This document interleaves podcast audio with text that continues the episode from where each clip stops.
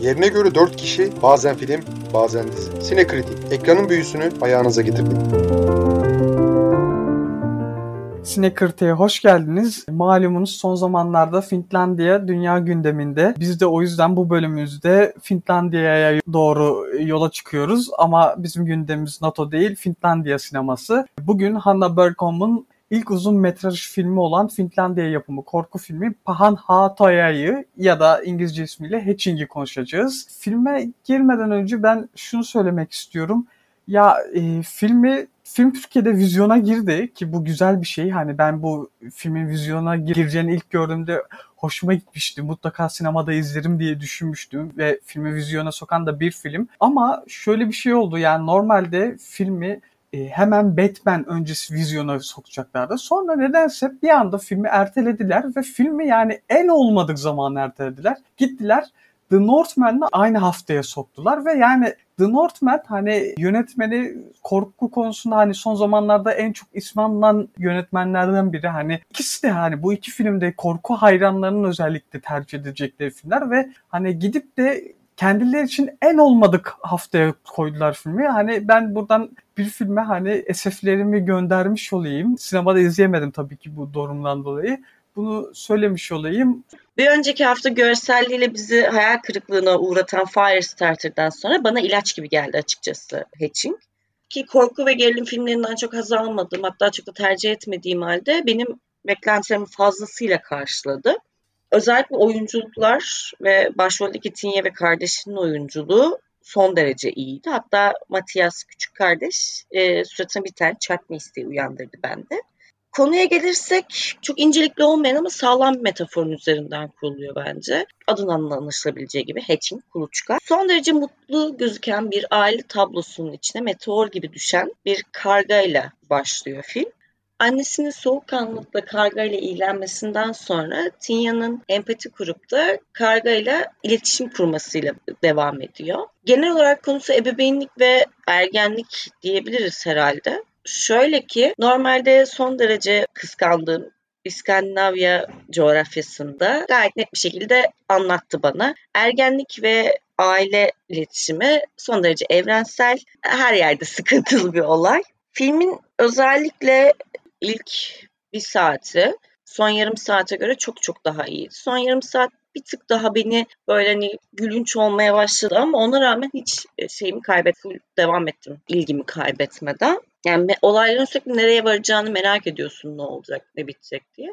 Ayrıca en en çok beğendiğim şeylerden biri de başroldeki Tinye karakterini anlatmakta ve aktarmakta ciddi anlamda başarılıydı. Olan tüm olaylara rağmen Tinye ile empati kurmaya ve bir şekilde hak vermeye devam ettim. Ya ben şöyle söyleyeyim hani Hatching önceki filmle ilgili o fikirlerimi belirtmeden önce bu sene izlediğim şu an mobilde de gösterimde olan Lem filmini inanılmaz bana hatırlattı. Yani sadece aile ailenin genişlemesi ve daha sonra aile içi ilişkilerin çeşitli dengelerinin sağlanmaya çalışılması ve onlarla ilgili bitmek bilmeyen karmaşa, kaos, insanların ne yapacaklarını, kendilerini nereye konumlandıracaklarını bilememeleri, çeşitli işte hususlarda kafa karışıklıklarını yaşamaları falan aslında bir tık benzer temaları işliyordu. Zaman ruhu belki de yani hani bu bu kadar birbirine iki, benzer iki tane filmin çok yakın zamanda yayınlanmış olması bana ilginç geldi açıkçası. Filmi de bu arada gayet de güzel. Onu da her türlü tavsiye edebilirim. Yani özellikle de şu an Mubi üyeliği varsa ki şu an son bir kampanyaları vardı umarım devam ediyordur. 4 aylık 40 lira mı ne yani aylık 10 lira gibi bir şeye denk geliyor. Kaçırmayın derim. Ee, en azından filmlere meraklıysanız. Filmin merkezinde aslında bir şöyle bir ayrım var. Kadınlar bir tık daha hırslı misal hani kadınlarla erkekler arasında bir ayrım var tamam mı? Hani bir nevi şu erkek egemen aile şeyine birazcık tersten bakıyor tamam mı? Burada kadınlar daha hırslı, daha atılgan. Yani hani misal sürekli bir korkudan diğerine koşturan o küçük kız bile açıkçası o bile kendi halinde şey yapmaya çalışıyor yani hani güçlü bir şekilde ayakta kalmaya çalışıyor, mücadele veriyor, bir şekilde olayları çözüme kaza şey yapmaya çalışıyor tamam mı? Cesur, atılgan. Anne figürü inanılmaz dominant. Baya baya neredeyse şey çevirmiş. Mum, muma çevirmiş kocasını. Kocası da kocasına tepki. Bu arada hani evin erkek çocuğu da kocasına tepki olarak ona zıt yönde bir karakter geliştirmeye çalışıyor ama onun henüz rütbesi o kadar şey değil. Şu an sürekli hep o gibi konularda annesinin özellikle de annesinin onayına ve onun desteğine ihtiyaç duyuyor falan. Ya bir nevi normal alıştığımız aile ilişkilerinin, o otorite üzerinden aile ilişkilerinin bir tık farklı bir okuması. En azından yansıması olarak da öyle görebiliriz. Ama iş bir tık daha genişliyor bundan da sonrasında. Çünkü sadece artık aslında bizim kemikleşmiş olduğunu düşündüğümüz aile bilmediğimiz bir şekilde öğreniyoruz ama tam olarak olayların doğasına vakıf olmuyoruz. Genişliyor aslında. Ve ailenin çoğu üyesinin de bundan pek bir haberi yok. Belki çok çok zorlamadır. Bu konuda şey yapamayacağım. Çocuk tacizi ne bileyim hani çocuk yaşta birisinin hamile kalmasına dair bir gönderme belki olabilir bir ihtimal. Yani acaba öyle bir şey mi ima etmeye çalışıyorlar? Ona mı atıfta bulunmaya çalışıyorlar diye düşündüm. Bu sadece bu değil. Aynı zamanda ailede otorite figürlerinin sizin hayatınızda aslında ne kadar belirleyici bir rol oynadığı, insanları çocuk halinizde bile sizi ne kadar zorladığı, sizden ne kadar çok şey ta- talepte bulunduğu ve sizi aslında ikiye böldü. Birisi teslim olmaya yakın tarafınız, ötekisi içinizde vahşi veya özgür kalmak isteyen, sürekli kendini baskılanmış isteyen bir tarafınız. O ikisinden birisinin hangisinin hayatta kalacağı ve yoluna devam edeceği yönünde bir okuma gibi bir şey. Ama tek- tekrar diyorum bunlar bunlar benim yorumlarım. Yani hani bir tık abartı olabilir. Onunla ilgili çok fazla bir şey yapamayacağım. İzlediğim kadarıyla çıkardığım şey budur benim. Mesela burada ben sana katılmayacağım. Çünkü net bir şekilde şey bana son derece comfort zone'unda ailesiyle pek bir iletişimi, bir derinliği olmayan bir baba ve buna rağmen bir şekilde mutluluğu aramaya çalışan bir anneyi gördüm ben.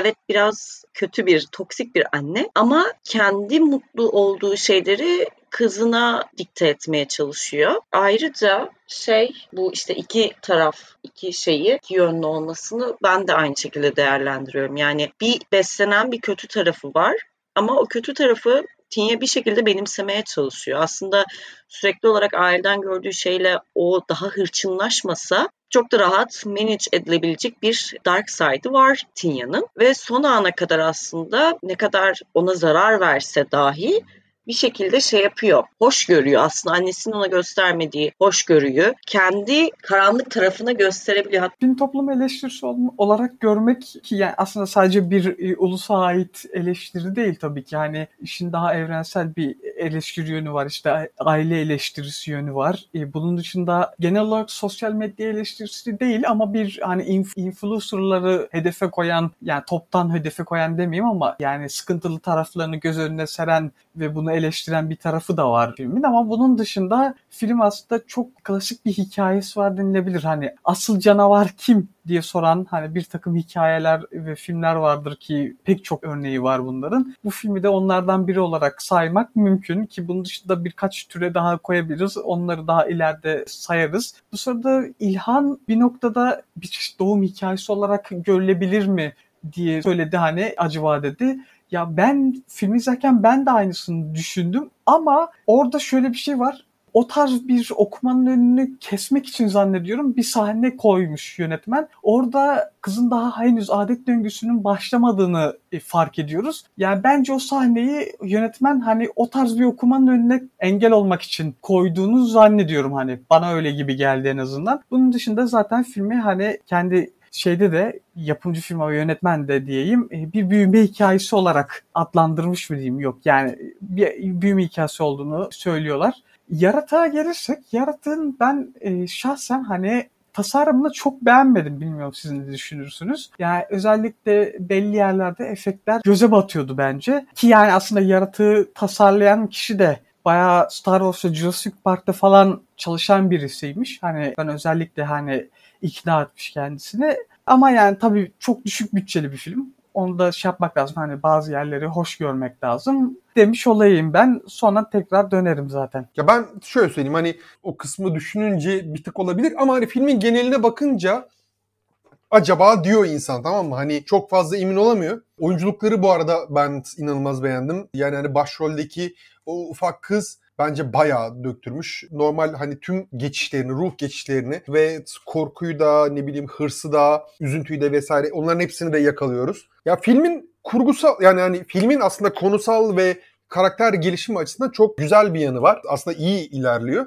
Ama hani kurgusal olarak da çok fazla bir şey vaat etmiyor. Yani hani öyle çok çok büyük devasa bir sürpriz göremiyoruz. Ben en azından bir iki tane sürprizi var içinde sakladığı ama hani az çok işlerin gidişatı oraya o yönde doğru gidecekmiş hissiyatını zaten veriyordu sürekli. Ama bu e, film kesinlikle hani kötü anlamında falan şey yapılmasın. Sadece kurgusal açıdan biraz daha iyi olabilirdi diye şey yapıyorum eleştiri olabilir. Ama gelişimi, karakterlerin gelişimi, olayların ilerlemesi, oyunculuklar vesaire bence inanılmaz iyiydi. Konudan ben en azından filme herhangi bir şekilde açık bulamam. Bence mesela o sürpriz vermemek çok da şey yapmadı beni. Çünkü aslında şeyin de Emre'de dediği gibi bir evrensel yönü de var filmin yani ben demiştim yani bayağı ergenlik ve aile evrensel sorunlardan. O geçiş dönemi e, tabii ki kültürel farklılıklara göre şey gösteriyor ama mesela babanın kızın regl olduğunu gördüğü zannettiği sahneden sonra garip bir tepki verip falan deyip kaçması falan yani Allah'ın İskandinavya'sında da oluyormuş dedirtti. Ve bence en azından işte ergenliği geçirmiş bir kız çocuğu olarak yaşadıklarını görmek ve empati kurabilmek, o dark side olabildiğince aileden gizlemeye çalışmak vesaire. Ana şeyi buydu bence ve onu bana verdi. O yüzden çok bir sürpriz beklemedim açıkçası. Belki de bu yüzden daha çok tatmin etti beni. O açıdan Alien'a bir takım benzerlikler taşıyor ki bu aşamada hikayeyi belli noktalarda şeye benzettim. Eğer hani dinleyeceğimiz arasında korku severler varsa zannediyorum mutlaka Mehmet Belki Artır'ı takip ediyorlardır. Onun kendi YouTube kanalında paylaştığı bir hikaye, anlattığı bir hikaye vardı. Kendi yazdığı bir hikaye. Fezadan Zuhre'den Hediye diye. Ee, orada biraz Alien Lovecraft, biraz da Frankenstein etkili bir hikayeydi. Hani eğer filmi izledikten sonra hani o hikayede eğer dinlemediyseniz gidin e, Mehmet Belki Artır'ın kanalından bir dinleyin derim. Hani o da hoş bir hikayeydi. Belli açılardan dediğim gibi benzerlikler taşıyordu. Yok onu izlememiştim ya. Filmde Matthias'ın taktığı bir maske var bir noktada ki filmin posterini gördüyseniz aynı maske hani e, orada bütün aile takıyorlar. Ben hani şey diye bir düşünmüştüm hani acaba maskenin bir olayı var mı nedir diye. Bir Google'la Google'da arattıydım hani filmlere ait geleneksel bir maske falan mı diye. Ve orada takılan maske biraz benzeyen bir maske buldum. E, Finlandiya Ulusal Müzesi'nde sergileniyormuş. E, balıkçı tanrı maskesi diye ama maskeyle ilgili bir bilgiye ulaşamadım. Hani yine de bu detayı vereyim ki hani belki siz ulaşırsınız. E, oradan belli çıkarımlar yaparsınız diye söyleyeyim dedim. Bunun dışında e, spoilersız kısmı kapatırken şunu söyleyeyim. Filmi mutlaka izleyin. Ama bence trailerına falan bakmayın filmin. Hani direkt filmi izleyin. Yani ne kadar seversiniz bilemiyorum ama pişman olmayacağınızı eminim diyeyim ve Şebnem'e sözü bırakayım artık. Bu arada söylemeyi unuttum. Mesela Emel şey dedin ya influencerlığa şey yapıyor biraz gömüyor diye. Aslında o influencerlık işte bundan bilmem kaç sene önce olan Amerikan rüyası işte ideal Amerikan ailesi vesaire her zaman vardı. Dışarıya karşı ideal ve düzgün işleyen bir aileyi göstermek sadece bunun olduğu platform değişti ve ekstra bir şey geldi. Zorluk geldi diyeyim. Ama benim dikkatimi çeken şey oldu. Filmin başında tanıştığı komşusu olan ve aynı sporu yapan kendisiyle kızla Tinya'nın ailesini karşılaştırmak. Çünkü kızın ailesini görmüyoruz bile. Antrenmanlara tek geliyor. Belli ki mutlu ve sosyal hayatı var.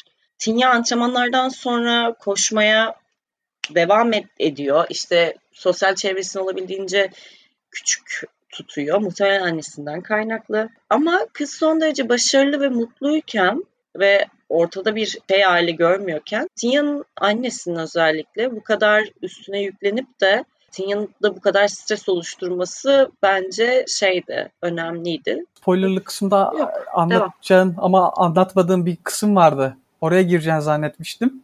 Film mitolojisinde şöyle bir şey varmış. Ruh kuşu diye bir varlık varmış ve film mitolojisiyle ve dolayısıyla bu varlıkla e, ilgili ayrıntılara vakıf değilim çok o kadar vaktim olsaydı aslında hani podcast çekmeden önce bayağı vaktim olsaydı bir film mitolojisiyle ilgili hani 101 seviyesinde en azından biraz araştırma falan yapardım ama o kadar vaktim yoktu maalesef. Hani e, bir Wikipedia'ledim hani ve oraya Wikipedia'ya göre bu varlık yeni doğanlara ruhunu getiren, ölenlerin sonra ruhlarını götüren bir varlıkmış. Ayrıca Finlandiya'nın bazı bölgelerinde tan ucuna bu varlığı temsil eden e, nasıl diyeyim tahta kuş işlemeleri diyeyim hani konulmuş ve bunun o yatakta uykuya dalan kişinin rüya aleminde dolaşırken yolunu kaybetmesine mani olacağına inanılırmış. Her ne kadar tamamı bir rüya gibi olsa da hani bir rüyayı anımsatsa da e, filmde tam olarak bir rüya sahnesi asla görmedik. Lakin hani Tinya ile Ali e, arasında bağlantı kurulan mı diyeyim hani belli sahneler vardı. O sahneler hafif rüyasıydı. Hani bu konuda da hani bu bahsettiğim e, mitoloji detayı belli bir şey verebilir bize diye düşünüyorum ki aslında hani aramızda Finlandiya mitolojisine dair e, bilgi sahibi biri olsaydı bence filmi çok farklı bir yerden de belki okumak mümkün olabilirdi. Ya zaten kuşun şey olması yani film mitolojisinde evet var ama zaten şeyde de bizde de ne var? Leylekler getirdi var. Kuşla e, doğum işte şey arasında çocuk arasında şey var. Doğru. Ama söylediğinle beraber daha da bir anlam kazandı. Ya bir de şey artık spoilerlı kısımdayız. Misal o kuşun aslında daha sonra değişip kıza dönüşmesi misal bir önceki şeyde bahsettiğim şeylerden birisi de oydu aslında. Hani kızın içinde bir tane kendi halinde olmak isteyen aslında annesinin isteklerinden ve taleplerinden farklı şeyler olan isteyen öyle bir kız var. Bir yandan da annesini sürekli baskıladığı, sürekli başarı için üzerine baskı kurduğu ve bunu dışa vurumunu cidden çok yapamayan, özellikle kuşun bu kıza dönüşmesiyle tezahür eden bir mevzumuz var. Yani ben özellikle onu gördüğümde aslında kızın içinde biriken bir öfke var. Yani hani misal bu da benim ikinci okumam bu şeye dair.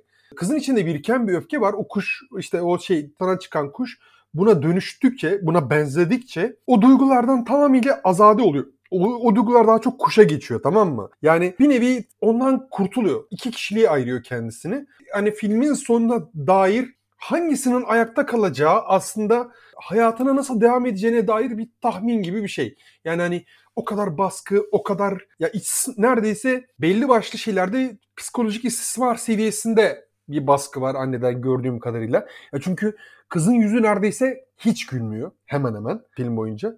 Bu en azından aile içinde e, erkek veya kız fark etmeksizin dominant bir karakter tarafından sürekli köşeye sıkıştırılma, sürekli ileri itilmenin nasıl bir sonuç doğurabileceğine dair bir şeyler tahmin çıkartabilmenizi sağlar en azından diye tahmin ediyorum. O açıdan hani filmin misal bu bakış açısını da sevdim. Aslında güzel, çok e, çeşitli şekillerde okumalara da şahit bir şey. Yani hani hemen hemen filmi izleyen çoğu kişi farklı çıkarımlarda bulunabilir bence.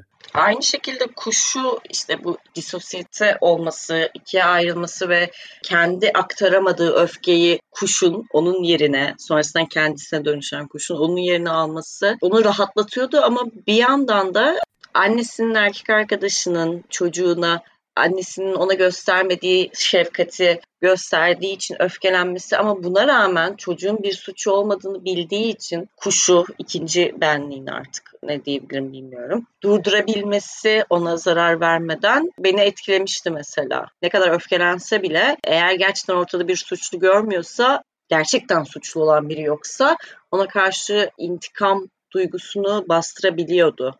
Bu da aslında da bir suçlu şey yapmıyorsa veya suçluya gücü yetmiyorsa büyük ihtimalle bu öfkesi kendisine dönebiliyor. En azından hani öyle bir şey çıkabiliyor filmden. Evet işte bunu çocuğa göstermemiz bence karakterinin aslında güçlü olduğunun da... Ya o, orada tabii ilk başta kendisini tutamayıp ya da öbür be, e, şey, ifadesiyle öbür benliğini öbür benliğini tutamamasıyla tutamadığı bir kısım var aslında Rita'ya karşı hani engel olamıyor e, her ne kadar iç sıkıntı çekse de bundan dolayı. Orada dediğiniz gibi evet aslında annesine yöneltemediği nefreti başkalarına yöneltmesi durumu var. Ama bunun şey olduğunu da yanlış olduğunu bilmesi de var. Yani kendi iç çatışması var orada e, aslında.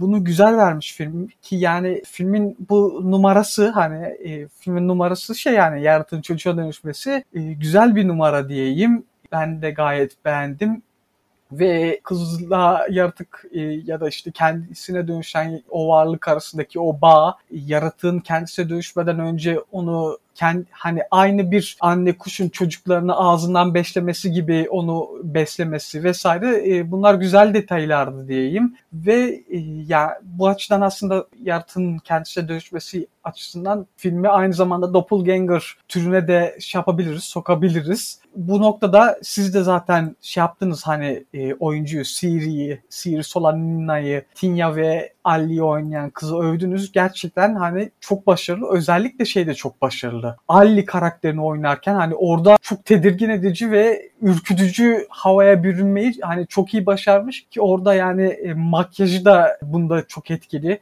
Makyaj açısından da başarılı yani orada film. Onu da söyleyeyim. Filmin finaline gelecek olursak filmin finalinde şey biraz biraz daha düzgün şekilde yapılabilirmiş. Yani çok biraz aceleye gelmiş gibi düşünüyorum. Ee, ama bilmiyorum siz ne düşünürsünüz bu Sonuna doğru beni etkileyen yine iki sahne oldu. Birincisi normalde direkt olarak öfke duyduğu insanlara saldırırken, annesine saldırırken önce sarılıp bir normal Tinya'ya o öfke ve korkunç surat ifadesinden son derece şefkatli ve sevgi bekleyen bir çocuğa dönüştüğü birkaç saniye var. Sonrasında tırnaklarını geçirmeye başlıyor. Orası da beni bayağı etkilemişti. Bir de annesi artık kuş demeyeceğim çünkü Tinya olmuştu o aşamada. Tinya'ya saldırırken annesine durmasını söylüyor ve I hatched it diyor. Yani ne olursa olsun o karanlık tarafta, o korkunç şeyleri yapan tarafta benim diyor. İkinci etkileyen sahne sonuna doğru beni bu olmuştu. Ben açıkçası hani filmin sonunu hani belli bir birazcık daha karanlık, birazcık daha nasıl derler sert, agresif. Yani hani çünkü o saniyeden sonra özellikle bence hani film daha da derine inme imkanı vardı. Bir nevi zayıf olmuş sonu. Sonuna çok girmeyeceğim. Hani öyle açıklamakla ilgili bir şey yapmayacağım. Ama genel olarak ben şeyini beğendim. Yaklaşımını ve genel olarak hani hikaye toplama şeklini okeyim. Ama biraz daha çarpıcı olabilir miydi? Olurdu. Onun için ben izleyicilere özellikle dinleyicilerimize bu hatayı sık sık yapıyorum. Artık yapacak bir şey yok. Alışmışsınızdır herhalde. Dinleyicilerimize bu filmi çeşitli mecralarda görürseniz muhakkak bir şekilde bir şans verin. Bence hala muadili olarak çok çok benzer bir şekilde ilerleyen Lem filmine de Movie'de şu an gösterimde. Ona da bir şans verin özellikle. Çok benzer bir şekilde ilerliyor ve e, hemen hemen aynı gerilim tonunu benzer bir hani şöyle dar bir aile özellikle izole olmuş bir aile üzerinden ele alıyordu konuyu.